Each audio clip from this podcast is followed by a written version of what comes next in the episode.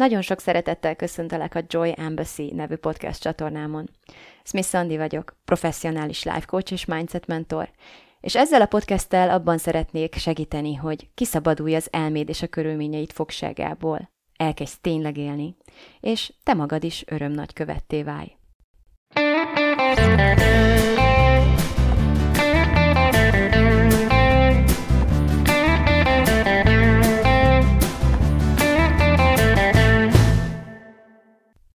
Szia! Péntek van! Pénteken Joy Embassy új epizód is szokott következni, úgyhogy mivel most tényleg péntek van, és még nincs odakint az új epizód, hát nagyon bele kell húznom. És bevallom őszintén, hogy egyrészt elég, hogyha így belenézek a naptáramba és a saját fejembe, akkor elegendően sok kifogást tudnék arra találni, hogy miért nem olyan nagy baj, hogyha ha ma még sincs podcast, de azzal szeretném kezdeni ezt a mai részt, hogy én elég sokat dolgoztam magamon ahhoz, hogy úgy gondolkodjak magamról, mint aki azt mondja, hogy pénteken podcast, és akkor pénteken podcast lesz. Úgyhogy nagy valószínűséggel nem fordulna ki a sarkából az univerzum, hogyha fejet hajtanék az összes külső-belső ellenállásnak, és ma mégsem lenne podcast. Viszont uh, egy súlyos árat fizetnék ezért, megtörném azt a láncot, megtörném azt a fogadalmamat, megtörném a saját magam, magammal való kemény munkával kialakított viszonyban azt a részt, hogy számíthatok magamra, mint hogy ti is számíthattok rám azt mondtam, hogy pénteken podcast, és pénteken podcastet fogtok hallgatni tőlem, már amennyiben természetesen ti is szeretnétek. Úgyhogy egyrészt ez az egyik apropom, hogy én most mindenképpen itt ülök, ezt mindenképp meg akartam veled osztani. A másik pedig az, hogy nagyon-nagyon kevés időm van felvenni ezt a podcastet, és ez azért jó, mert kevés időm van hibázni is, ugyanis nem nagyon fogok utó munkázni rajta, nem nagyon fogom utó szerkeszteni, úgyhogy ez olyan lesz, amilyen lesz, és én nagyon-nagyon bízom abban, hogy neked ezzel együtt is tetszeni fog. Miközben készültem, erre a podcastre. Az igazság az, hogy valójában nem erre a podcastre készültem elsősorban, talán ezért is történhetett, hogy ennyire elhúzódott most a felvétel, hanem valójában egy ingyenes webináriumot készítek éppen elő, amelynek az a címe, hogy hogyan néz ki az áloméleted. Ez jövő héten lesz, és két alkalommal fogom megtartani. Ingyenes a részvétel rajta, csak regisztrációhoz kötött, úgyhogy a regisztrációhoz szükséges linket azt meg fogod találni ennek a podcastnek a leírásában és azért is tartom több alkalommal, mert szeretnék lehetőséget biztosítani lehetőleg minél több embernek, hogy részt tudjon venni rajta élőben. Miközben készültem ennek a webináriumnak az anyagával, azon gondolkodtam, hogy mire van szükség, mit követel tőlünk az, hogy az áloméletünket élhessük. És ez egy annyira jó témának tűnt, önállóan is jó témának tűnt, hogy úgy döntöttem, hogy összefoglalom egy picit az erről szóló gondolataimat a mai podcastben. Először is, tehát pontokba foglaltam, és az első pont, amit mindenképpen meg szeretnék nevezni, az az, hogy legyen egy álomszerű víziód. Ez alatt azt értem, hogy amikor az áloméletedet próbálod megtervezni, amikor az áloméletedről gondolkodsz, akkor egy gyakori hiba, amit tapasztalni szoktam, az az, hogy nagyon a jelen, vagy ami még rosszabb, a múlt realitásából próbál kiindulni az ember. Ez a klasszikus addig nyújtózkodja, míg a takaród ér elv és filozófia, amivel én messze menőkig nem értek egyet, és szerencsére, mivel a szöges ellenkezőjét gondolom, a szöges ellenkezőjét is bizonyítom sikeres stratégiának, de erről majd egy picit később. Tehát nagyon gyakran látom azt, amikor arra buzdítok valakit, hogy gyere, kezdjünk el álmodni, hogy mivel mindenhol falakat lát, mivel, mivel nem állnak rendelkezésére a szükséges erőforrások, vagy legalábbis azt gondolja ő, hogy nem állnak rendelkezésére a szükséges erőforrások, ezért megpróbál abból gazdálkodni kvázi, ami, ami éppen a rendelkezésére áll, ahogyan éppen az élete kinéz. És hogyha ez kicsit sivárnak, kilátástalannak és akadályokkal telítetnek, tehát egy ilyen konkrét akadálypályának tűnik, akkor elég nehézkes tud lenni akár már ez az álmodozós fázis, és elég, nehéz, elég nehézkes lehet megszólítani az emberekben azt a gyermeki felszabadultságot, azt a korlátok nélküli fantáziát, amit, amit valójában nagyon-nagyon hasznos volna kifejlesztenünk, hogyha gyerekkorunk óta sikerült elfelejtenünk, és gyakorolnunk, hogy, hogy jól menjen. Tehát egyszerűen menjen ez az álmodozás. Egyszerűen ne azon gondolkodjunk, hogy mi az, amiről azt hisszük, hogy lehet, és az alapján hisszük azt, hogy lehet, hogy a múltban lehetett, vagy egyszer már lehetett, vagy akár a jelenünkben ez éppen egy aktuális lehetőség, hanem, hanem bármit lehet. Tehát tényleg abból indulunk ki, hogy az ég egyet a világon bármit lehet. A, a, bármit lehet az álom életünkben. Tehát az első dolog, amire szükségünk van ezért, az egy álomszerű vízió. És ennek az alkotó elemei azok egyfelől a körülmények, amelyek alkotják ezt az álomszerű víziót, ezt az áloméletet. Tehát, hogy hol élsz, milyen körülmények között élsz, kikkel, kikkel élsz, kik a szereplői ennek az áloméletnek, ezek tartoznak a körülmények közé. A másik komponense az áloméletünknek az, az az, hogy a te szintjén, a te saját mindennapi rutinjaid, cselekedeteid, munkád, tevékenységeid szintjén hogyan néz ki ez az álomélet. Milyen milyen rutinjaid vannak, milyen szokásaid vannak, milyen hobbjaid vannak, mit dolgozol, mennyit dolgozol, amikor nem dolgozol, mit csinálsz.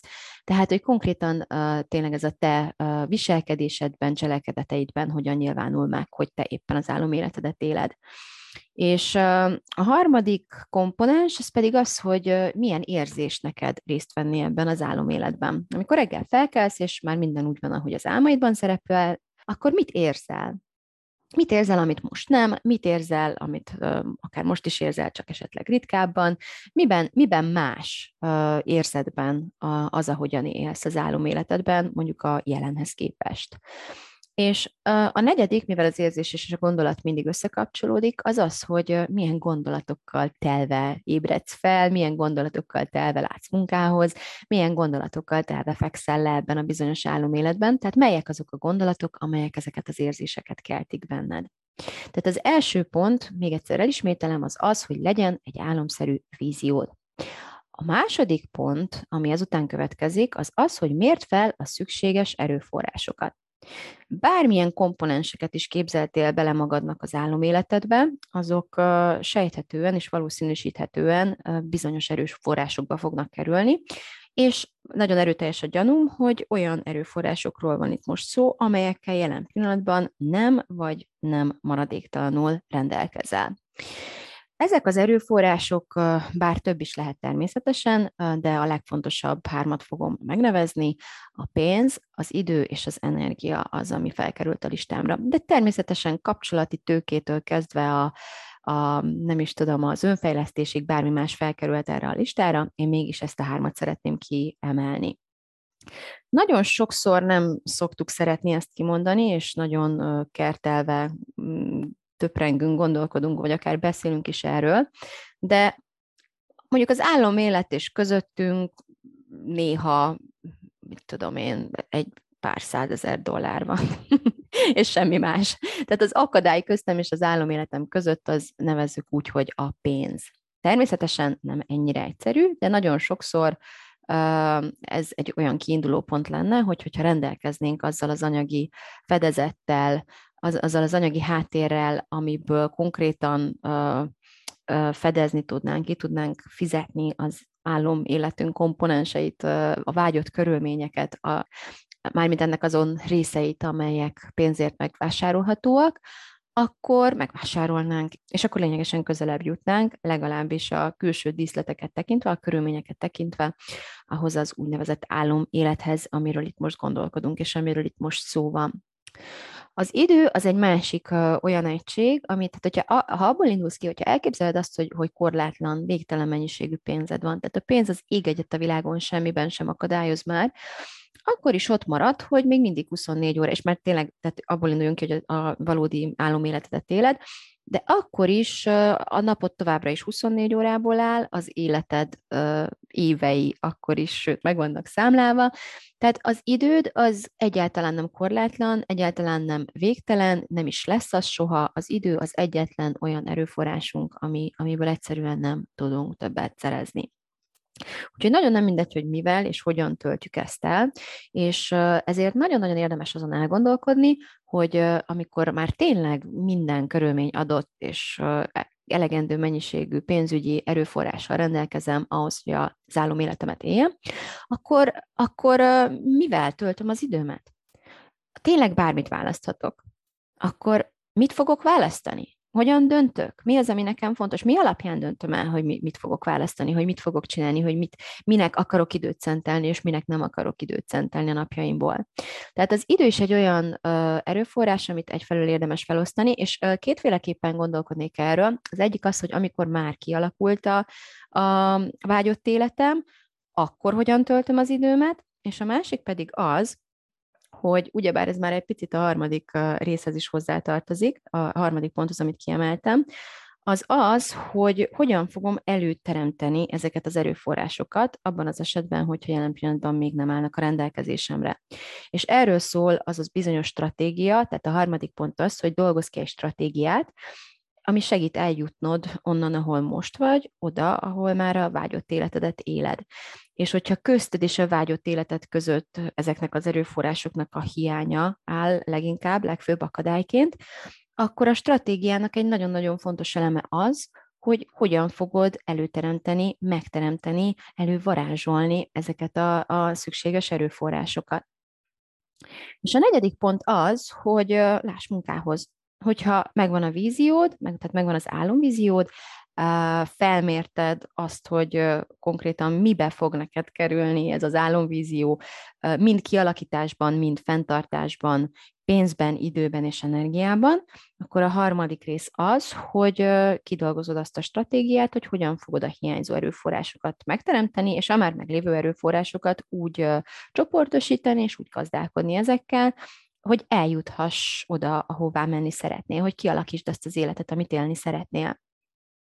Na most egyrészt ez nagyon nagy vonalokban való megfogalmazás volt ennek a folyamatnak, másrészt egy kicsit érzékelni vélem, hogy valahogy azt sejtett, hogy ez nem ennyire egyszerű, meg hogy kicsit ilyen megfoghatatlannak tűnik ilyen pontokba szabdalva. Úgyhogy úgy döntöttem, vagy arra gondoltam, hogy egy kicsit megosztom veled a saját személyes példámat egészen mostanáig, és akár egy picit mostantól túl is.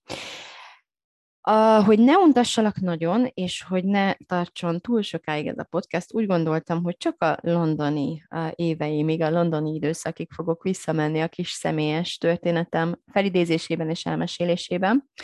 És uh, kezdjük azzal, hogy a személyes sztorim mondjuk Londonban, mi az, amit akkor fontosnak tartottam? Tehát mi, mi, mi, hogyan nézett ki akkor az álomvízióm? Azt kell mondanom, hogy az álomvízióm akkoriban nagyon kezdetleges volt, legalábbis a mostanihoz képest.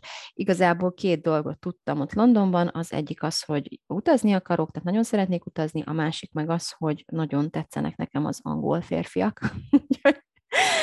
Tehát, hogy akkor innen kellett felmérnem azt, hogy milyen erőforrásokra lesz ahhoz szükségem, hogy az állom életemet már egy angol férfi oldalán utazgatva töltsem, és ezért elkezdtem randizgatni, és megismertem Tomot, aki most már a férjem, és elmentünk utazni. Elutaztunk Új-Zélandra.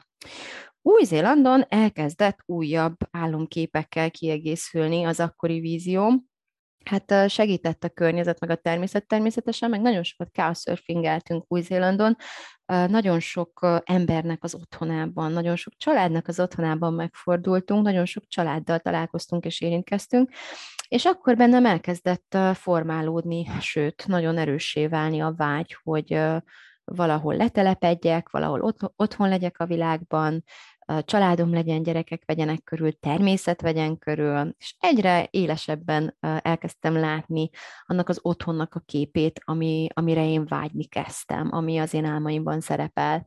Tudtam, hogy ez az otthon közel lesz a természethez, tudtam, hogy lesz nagy kertje, tudtam, hogy lesznek erdők, dombok, patak, tó, mindenféle lesz a, a, a környékünkön, legalábbis a képzeletemben ez nagyon-nagyon élesen így élt akkor. No, innen uh, ki is kötöttünk Budapesten, ketten a nyolcadik kerületben, egy uh, Rákóczi úti poros, koszos, zajos lakásnak a, a, a szobájában, tehát egy szobát tudtunk ebből bérelni, nem az egész lakás természetesen, és uh, hát mit is mondhatnék, az akkori realitásom és az, az álmom közötti távolság, vagy szakadék, különösen az akkori uh, tudásom és tapasztalataim alapján uh, mondhatni áthidalhatatlannak, mondhatni áthidalhatatlannak tűnt, de mégis ösztönösen uh, elkezdtem rá lépni arra az útra, ami végül oda vezetett, hogy gyakorlatilag azt, amit akkor az álomképeimből így összerakosgattam, az a mai napra már a hétköznapi életem realitását képezze. Ott voltam egy koszos albérletben, még nem volt férjem, de nagyon szerettem volna, hogy legyen, még nem voltak gyerekeim, de nagyon szerettem volna, hogy legyenek, még nem laktam természet közelben, de nagyon nem szerettem volna a nyolcadik kerületben élni ott, ahol éppen laktunk, és nem volt munkám, pedig hát hogy is mondjam, tehát a stratégiának egy nagyon fontos része volt, egy nagyon fontos eleme, sőt az álloméletemnek egy, egy fontos eleme volt nyilvánvalóan az, hogy én a karrieremben is rátalálok a hivatásomra, és ebben kiteljesedhetek. Úgyhogy eléggé távol álltam, ahogy mondani szokás, innen szép nyerni, ugyebár, de mégis ösztönből elkezdtem lépegetni a vágyott irányba. Az egyik dolog, amit nagyon jól csináltam most, hogy így visszatekintek, az az, hogy, hogy így mindig, mindig előre néztem, tehát mindig a vízió irányába néztem. Ott a, akár a gettó kellős közepén, ahogy éveken át laktunk egyébként ezen a környéken, ahogy így az ilyen-olyan ürülékek között meg keresztül lépkedtem az utcán, és próbáltam eljutni a bevásárlóhelyekig, vagy akár a, a közeli parkig, ahová nagyon szerettem menni kikapcsolódni, addig én nem lefele néztem, és nem magam köré néztem, vagy nem azt láttam igazából a, a, a szemeim előtt, ami, ami az akkori mindennapjaim realitását képezték, hanem, hanem én a víziómat láttam. Én mindig azt néztem, hogy merre tartok. Abszolút ideiglenesnek érz, éltem meg az akkori helyzetemet, nem voltam egyáltalán beletapadva, és azt gondolom, hogy ez, ez, egy, ez egy fontos eleme ennek a, a vágyott élet kialakításnak, hogy a, a szemünket, az emlékezetünket, azt, azt folyamatosan a vízió felett tartjuk. Tehát nagyon nagy hiba, hogyha ha elengedjük, elfelejtjük ezt a víziót, és belesüllyedünk a realitásunkba, belesüllyedünk az aktuális, pillanatnyi realitásunkba, és elfeledkezünk, hagyjuk, hagyjuk elfelejtődni ezeket az álomképeket. Nem, ilyenkor nagyon-nagyon fontos feladatunk ezeket életben tartani, és a szemünk előtt tartani, és tényleg mint egy ilyen gumicsontot, vagy, vagy egy répát, nem tudom, amit így el szoktak húzni az ilyen állatok előtt, hogy arra abba az irányba kell menni, azt, azt így lógatjuk magunk előtt. Ugyanakkor az is hiba lenne, lenne, vagy hiba lett volna, hogyha nem veszek tudomást a mindennapi életem realitásáról, ugyanis ez egy komoly küzdelem ezen a részen, ezen a szakaszon, ami kvázi mondhatni vannak pillanatok, amikor a, a, az, az életről szól, az életben maradásról szól, a létfenntartásról szól ez a küzdelem, és, és egyáltalán nem arra próbállak buzdítani most, hogy feledkezz erről meg, ignoráld, bízd rá másra, ne vegyél róla tudomást, és ringasd magad egy ilyen álomképekkel teli mesevilágba, mert nem erről van szó. Arról van szó, hogy az aktuális pillanatnyi akadályaiddal kell megküzdened, arról van szó, hogy az életben maradás azért mindig talán az első számú prioritás és legfontosabb cél. Arról van szó, hogy az anyag az, az mindig a te kezedben van, ott a helyben, a jelenben, a jelen pillanatban, és azt kell meghajlítani ahhoz, hogy egy egészen másfajta anyagból szőtt valóságot kezdj kialakítani magad köré, fonjál magad köré, hogy megmaradjak ennél a gyönyörű metaforikus képnél.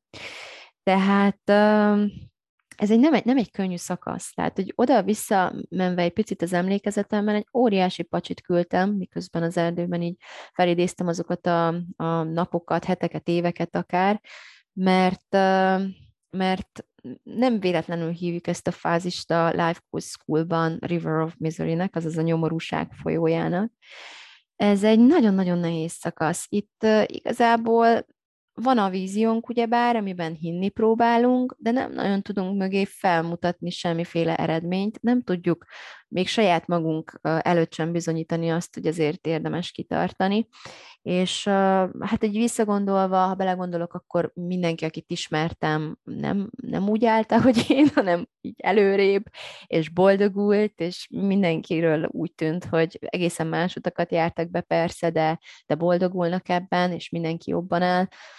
Nagyon sokan próbáltak segíteni nekem akkoriban, hiszen hát lássuk be, meglehetősen elveszettnek tűntem, és nagyon kedvesek és jó indulatúak voltak, csak éppen a tanácsaik és az útmutatásuk arról, arról nagyon egyértelműen érezni és látni lehetett, hogy nem oda fognak engem vinni, ahová én menni akarok.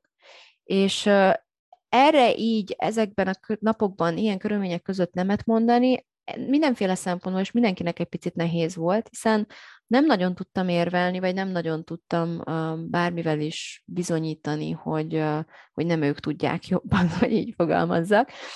Úgyhogy, úgyhogy nagyon erő, nehéz volt, nagyon nehéz volt, de mégis ez volt a feladat, hogy, hogy, hogy a hitet mégis életben tartsam magamban akkor is, amikor, amikor még kívül nem nagyon látszik bármiféle bizonyíték arra, hogy úgy lesz, ahogy én azt szeretném. Ami fontos, én azt gondolom ebben az időszakban, az az, hogy legyen néhány dolog, amihez ragaszkodsz, hogyha hasonló útszakasznál tartasz jelenleg. Tehát legyen egy pár dolog, ami, amiben nem, egyszerűen nem kötsz kompromisszumot, ami, ami, ami amiben nem, nem kötsz kompromisszumot. Elmondom az én saját példáimat, én nem kötöttem kompromisszumot abban, hogy olyan munkát végezzek, amit hát ha nem is feltétlenül szeretek, de semmiképpen sem utálok. Tehát nem, nem, nem voltam hajlandó olyan munkát végezni csak pénzért, amit nem szeretek. A másik az volt, hogy akár tűzön, vizen át is előteremtettem volna azt a pénzt, ami ahhoz volt szükséges, hogy a szülés körüli segítőimet a saját igényeim szerint gondosan megválaszthassam és megfizethessem. Ez is egy alapvetően abban a helyzetben egy részről pénzügyi akadály volt, hogy úgy fogalmazzak, és egy olyan akadály, amiről szemennyi kétségem sem volt, hogy, hogy kerül, ami bekerül, én azt a pénzt meg fogom keresni, elő fogom teremteni valahonnan. A harmadik, amit nem engedtem el, és egyáltalán nem szó, szóba se jött, hogy valaha elfogadjam azt, hogy, hogy esetleg bármikor is el kell engednem, az az, hogy valóban egy kis természetközeli helyen lakassunk, élhessünk, és a gyerekek szabadon szaladgálva nőhessenek fel. És a negyedik az pedig az alternatív pedagógiához való ragaszkodásom, amit nagyon-nagyon régóta tudok magamban, és azt is tudtam, hogy hogy hát ennek is megvannak a maga anyagi feltételei, és ezeket is nekem valahonnan meg kell teremtenem, elő kell teremtenem, és konzisztensé, tehát fenntarthatóvá kell tennem addigra, ameddigre ez a kérdés az életünkben aktuálissá válik. Tehát az én életemben ez a négy volt, dolog volt, ami nem volt megalkuvás tárgya, és itt egyébként egy kicsit megemlíteném azt, hogy, hogy nem feltétlenül tudtam mindegyikről mindig, egész életemben, hogy ezek azok a dolgok, amikről, amikben nem alkuszom meg. Néha annak a folyamata, hogy, hogy felismerd magadban, hogy mi az, amiben nem kötsz alkut, az pontosan az, hogy megtapasztalod azt, hogy milyen érzés alkut kötni ebben. Tehát, ha a listámra ránézek, akkor például a, ez a nincs az a pénz elvem, amiért én, amiért én olyan munkát végeznék, amivel nem értek egyet, vagy amit nem szeretek, az, az egyáltalán nem volt mindig a sajátom, mert, mert nem tudtam, hogy mit jelent ez, nem tudtam, hogy milyen, mit, mit jelent ez az elv, mit jelent ragaszkodni ez az elvhez, és mit jelent nem ragaszkodni ez az elvhez. Úgyhogy a kis pályakezdő korszakom leges legelején én nagyjából mindent is dolgoztam, főleg, főleg Londonban, és, és nem szerepelt az elveim között feltétlenül, hogy, hogy nem fogok, tehát hogy válogatni fogok, úgymond a, a munkák kapcsán, hanem sokkal inkább az, hogy, hogy nem válogatunk, meg hogy minden munka jó munka, meg tehát, hogy egész, egész másképpen gondolkodtam erről. És azt hittem, hogy van az a pénz, egész addig, amíg olyan helyzetben nem kerültem, hogy megtapasztaltam, hogy mit tud tenni az ember életében és lelki világában egy olyan munka, ami, amivel nem ért egyet, amit, amit nem szívvel, lélekkel végez, és, és egyszerűen úgy érzi, hogy nem is tud soha az életben szívvel, lélekkel végezni. Eljutottam arra a pontra, hogy, hogy megtapasztaljam, hogy van olyan helyzet, hogy nincs az a pénz. És akkor innentől fogva ezt is felírtam a kis elveim közé, amiben nem alkuszom meg. Tehát elég fontos ezen az útszakaszon, hogy bizonyos dolgokban legyél nagyon rugalmas, de azért legyen néhány olyan dolog, amiben nem kötsz kompromisszumot, amihez mindenképpen kötöd az ebetakaróhoz, amihez mindenképpen ragaszkodsz. Egy másik érdekes dolog, ami talán egy picit ellentmond annak, hogy ragaszkodj néhány fontos dologhoz, az az, hogy tanulj meg viszont lemondani minden másról. Tehát tanulj meg, tanulj lemondást. Tanulj meg nemet mondani. És hogy mire kell nemet mondanod, amikor az áloméletedet akarod élni, azt nagyon röviden úgy tudom megfogalmazni, hogy mindenre nemet kell mondanod, ami nem valóban naná, hogy igen a te életedben, a te, a te valóságodban, a te érzelmeidben. Nagyon-nagyon sokszor azért csinálunk dolgokat, mert nem akarunk, nem tudunk nemet mondani. Nem akarunk megsérteni másokat, nem akarunk konfliktusokba keveredni, nem akarjuk, hogy elítéljenek minket, nem akarunk szembesülni annak a következményeivel, leginkább érzelmi következményeivel, hogy mi, nem tudom, kitettünk egy határt, és azt mondtuk valakinek valamire, hogy nem. Márpedig, hogyha az áloméletedet akarod élni, akkor annak az egyik ára az, hogy nagyon jól meg kell tanulnod nemet mondani, és nagyon-nagyon sok mindennek és mindenkinek meg kell tanulnod nemet mondani. Mert amire próbálok még egyszer emlékeztetni, az időd az így is úgy is véges, és mindig egy ö, adott keretből dolgozhatsz, és, és ez egy nagyon fontos szempont, hogy nem mindegy, hogy mivel töltöd el, nem mindegy, hogy mikre mondasz igent, mert minden kis igened az idődből és egyéb erőforrásaidból fog elvonni, valószínűleg egy csomó olyan dologtól, ami sokkal fontosabb és jobb lenne neked. Úgyhogy a lemondás ez egy másik dolog, ami felkerült ide a papíromra, és amit hangsúlyozni szeretnék, hogyha téged is izgat és érdekel ez a kalandos utazás, ami az aktualitásodtól, a jelenlegi aktualitásodtól az áloméletet felé vezet. Úgyhogy, ha visszagondolok az én kis történetemre, és megint visszamegyek oda a Rákóczi útra, vagy a nyolcadik kerületbe, ahol több évet is eltöltöttem ilyen-olyan albérletekben, vagy akár saját lakásban is a végén, ragaszkodtam egy kicsit ahhoz a, ahhoz a környékhez akkoriban, akkor, akkor azt kell mondanom, hogy hogy az áloméletemhez való ragaszkodás, az álomvíziómhoz való ragaszkodás, az nagyon sokszor uh, olyan helyzetet teremtett az utam során, ami, ami a nehezebbik útnak tűnt akkor. És nagyon nehéz volt nagyon sokszor, erre kicsit utaltam is már korábban, védeni azt, hogy miért, miért mondok mégis nemet mások felajánlására, segítségére, tanácsára, miért nem hallgatom meg azt, aki szemlátomást jobban tudja, miért nem fogadok el olyan ajánlatokat, amelyek látszólag segítenének az akkori szorult helyzetemen, de mégis azt követelte tőlem az álomvízióm, hogy, hogy ezekre nemet mondjak, és még akkor is nemet mondjak, amikor nem tudtam magamtól sem ennél jobb alternatívát. És ez akkoriban nehéz volt, nagyon sok nehézséggel járt. Mondhatom azt, hogy akkoriban ez volt a nehezebbik út. Viszont, hogyha ránézek most az életemre, ha kinézek az ablakon, és látom a dombokat, és látom az erdőt, és a patakot, azt pont nem látom a fáktól, de az is itt van a kert végében.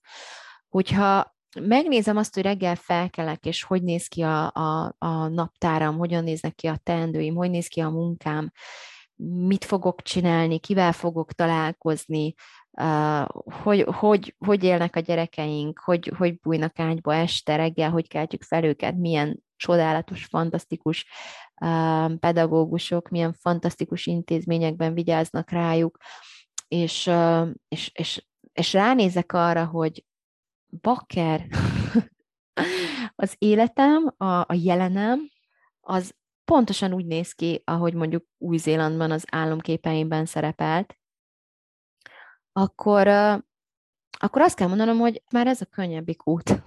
Tehát most már igenis könnyű az életem. Igenis lehet azt mondani, hogy most már igenis én vagyok az, akire, akire azt szokták mondani, hogy jó, de neked könnyű.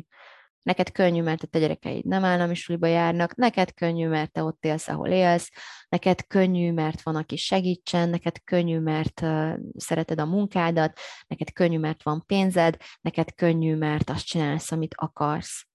Tehát én vagyok most már a neked könnyű személy, aki a nehezebbik utat választotta azért, hogy ma már tényleg, tényleg én legyek az, akinek könnyű. De nem szeretném elhallgatni, és nem azért, hogy dicsekedjek, vagy azért, hogy a saját érdemeimet ajnározzam, hanem, hanem azért, mert ez a realitást, nem szeretném elhallgatni azt, hogy ez a bizonyos álom élet, ez rád is vár, neked is van ilyened, te is meg tudod tenni azt, amit meg kell tenned azért, hogy elérd, te is elérheted, tehát egy abszolút reális elképzelés, bármilyen óriási, hatalmas célod és vágyad is van az életben, biztos vagyok benne, hogy meg tudjuk találni közösen az utat, vagy akár nélkülem is meg tudod találni az oda vezető utat, de nem akartam elhallgatni ennek a kanyargós útnak a kis zsákutcás, sikátoros, sötét, ijesztő szakaszait sem, mert ez is van benne, tehát ez is, ez is ennek a részese. Oké, okay, hát nagyjából ezeket a dolgokat akartam ma elmondani, és még azt is szeretném mondani, hogy ja igen, arra akartam még egy picit kitérni, hogy miért állom élet, ha egyszer tényleg élet, ami az én programomnak a neve, és ahol igazából ezt a munkát együtt közösen el fogjuk végezni tíz hét alatt. Tehát tíz hét alatt egy konkrétan elvégezzük a tervező munkát, meg lesz a vízió, meg lesz a tökéletes álomvízió, felmérjük az összes erőforrást, elkezdjük a stratégiát, és elkezdjük a munkát is, és átadom mindazokat a megküzdési stratégiákat, átadom mindazokat a kis erőt adó erőt adó eszközöket betesszük a kis batyútba, amivel ezt az úgynevezett River of Misery-t, ezt, ezt a túlburens szakaszt ott az elején, ezt viszonylag könnyűszerrel uh, át tudod vészelni, úgymond, tehát tudod, tudod majd magabiztosan venni azokat az akadályokat. Én azt gondolom, hogy ennek én egy hiteles tanítója vagyok ezeknek az eszközöknek, nem csak azért, mert uh, én magam is rengeteget tanultam a saját példámból, hanem azért is, mert mostanra már azért elég sok mindent letettem olyan értelemben az asztalra, hogy meg tudjam mutatni, be tudjam bizonyítani, hogy már pedig az álmaink való munka és az álmaink ilyen módon való felhasználása igenis működik, igenis produktív, és igenis olyan elképesztő valóságokat tud teremteni, amire csak ámulni és bámulni tudsz még te is, hát még, az is, hát még azok, akik kívülről nézik. És még az is nagyon vagány, hogy persze a munka soha nem ér véget, tehát az álomvízió az mindig egy ilyen táguló, velünk együtt fejlődő univerzum. Nekem jelenleg is van egy álomvízióm, ami, uh, valami, ami már hála Istennek nem áll annyira távol a jelenlegi realitásomtól, mint például az akkori volt ott a Rákóczi úti albérletben, de most is van álomvízióm, most is szeretnék változtatni dolgokon, most is a jövőbeli énem, a jövőbeli álom életemet élő énem, ő, ő más körülmények között él, és más szokásai vannak, és másképp viselkedik, és más erőforrásokkal rendelkezik, mint én most. Ami fantasztikus, annak köszönhetően, hogy rálépsz erre az útra, és elkezded gyakorolni, az az, hogy hogy egyszerűen megtanulsz áloméletet kialakítani. Mondjuk, hogyha az áloméleted része egy, egy erdő melletti házikó, akkor nem csak azt tanulod meg, hogy hogyan kell erdő melletti házikókat megvásárolni gyakorlatilag minimális erőforrással, hanem egyszerűen azt is megtanulod a folyamat közben, hogy hogyan tudsz álmokat valóra váltani. És ezt minél jobban begyakorlod, minél több bizonyítékot szerzel arra, hogy a módszered haték, vagy a módszered működik, annál messzebbre tudsz úgymond ellátni, annál messzebbre tudsz lőni. Annál kevésbé lesz igazából fontos, hogy mikor teljesülnek ezek a kis alkotóelemek, annál inkább tudni fogod, hogy ezek a komponensek alapvetően leginkább a körülményhalmazban rendelkeznek, és nem erről szól a, a, az álomélet, hanem valójában az érzéseinkről, az érzelmi megéléseinkről ezekben a helyzetekben. De mégis uh, szerzel egy, egy olyan tapasztalatot, szerzel egy olyan magabiztosságot, amivel tényleg egyszerűen nem, nem tudsz már lehetetlent elképzelni, tehát nem, nem tudsz semmilyen célkitűzése úgy tekinteni, mint amit nem lehet, hanem csak úgy, hogy oké, okay, mibe kerül, Mibe kerül pénzben, mibe kerül erőfeszítésben, mibe kerül energiában, mibe kerül időben, és mibe kerül minden más erőforrásban, amit talán most még nem is láthatok, és akarom egyáltalán ezt valóban. Tehát megéri nekem megtenni azt, amit meg kell tennem, azért, hogy ez az adott álom realitássá váljon. Na most egy picit ki akartam azokra is térni, akiknek az álom életében nem szerepel a pénz. Azt gondolom, hogy többször is hangsúlyoztam, és ezt szánt szándékkal teszem, ugyanis nagyon sok helyen azt tapasztalom, hogy ezt a részt szeretik elhallgatni, és hogy olyan, nem tudom, pironkodva beszélünk erről erről a részről, de a legtöbbünk élete az legtöbbünk álomélete és álomkörülményei, azok, azok pénzbe kerülnek, és ez van. És nagyon sokszor olyan pénzbe, abba a pénzbe kerülnek, amivel jelen pillanatban nem rendelkezünk. És ezzel nem azt mondom, hogy nincs olyan, akinek az álomélete egy, egy erdő közepén, egy saját maga által tákolt viskóban, vagy akár gyönyörű, megépített házikóban, vagy gyurtában van a barátaival, és teljesen pénz nélkül, teljesen önfenntartó életet élnek. Ez is egyfajta álomélet, és ez is egy gyönyörű élet, és biztos vagyok abban, hogy van, aki ezt választja, ezt választotta, és hitelesen be tudja bizonyítani számunkra, hogy ez is működik. Csak éppen a, a többségünk közöttük én is, nem azok közé tartozik, akiknek az állam életében nem szerepel a pénz, vagy a, az olyan olyan körülmények kialakítása, ami ilyen-olyan módon mégiscsak pénzbe kerül. És éppen ezért, ezért szeretném hangsúlyozni azt, hogy azért is adtam azt a címet ennek a mai podcastnek, hogy mibe kerül az áloméleted. Tehát ez az a kérdés, amit szerintem, ami, ami, ami miatt az álmodozásunk, és a kis vágyképeink, vágyfoszlányaink, ami miatt elkezdenek gyakorlatiassá válni. Enélkül a kérdés nélkül csak felhő marad mindaz, amire vágysz, csak felhő, csak lufi marad mindaz, amiről ábrándozol, amiről álmodozol. És ezzel sincs baj, csak én személy szerint olyan rettenetesen nem látom értelmét. Akkor persze igen, hogyha a, olyan érzéseket tudok kelteni magamnak egy olyan ábrándozással, amit egyébként nem akarok el. Egy, most egy belegondolok, szoktam is ilyet csinálni, hogy ábrándozok valamiről, ami, amit úgy annyira nem kell, hogy tegyek is érte, tehát ezt már most tudom, de mégis öm, feldob és energiát ad, és lendületet ad az erről való ábrándozás, és ezt az energiát fel tudom használni, bele tudom forgatni a mindennapi kis életembe és céljaim megvalósításába. Úgyhogy végül is lehet ennek is gyakorlati haszna, de én arra kérlek, hogy gondolj bele abba, hogy mi van, hogyha szintet lépünk ebben, és mi van, hogyha az álmainkat tégláknak használjuk, és akkor a várat építünk belőle, ami, amit még, még, még elképzelni sem tudsz szinte, mert lehet, hogy nem gyakoroltad ezt olyan sokat, mint mint én, de szeretném megtanítani neked, hogy hogyan kell, szeretném segíteni a gyakorlásodat, és ennek legfőbb eszköze, amit erre kitaláltam, a Tényleg Életnevű tanfolyamom, a Tényleg Életnevű programom, amit szeptember 20-án fogunk elkezdeni és hogy kapj egy kis ízelítőt ebből, még egyszer szeretném elismételni, hogy jövő héten két alkalommal is a részleteket a leírásban fogod találni. Tartani fogok egy ingyenes webináriumot, ami arról fog szólni, hogy hogyan néz ki a te áloméleted. Ezt elkezdjük egy kicsit komponenseire szedni és megvizsgálni.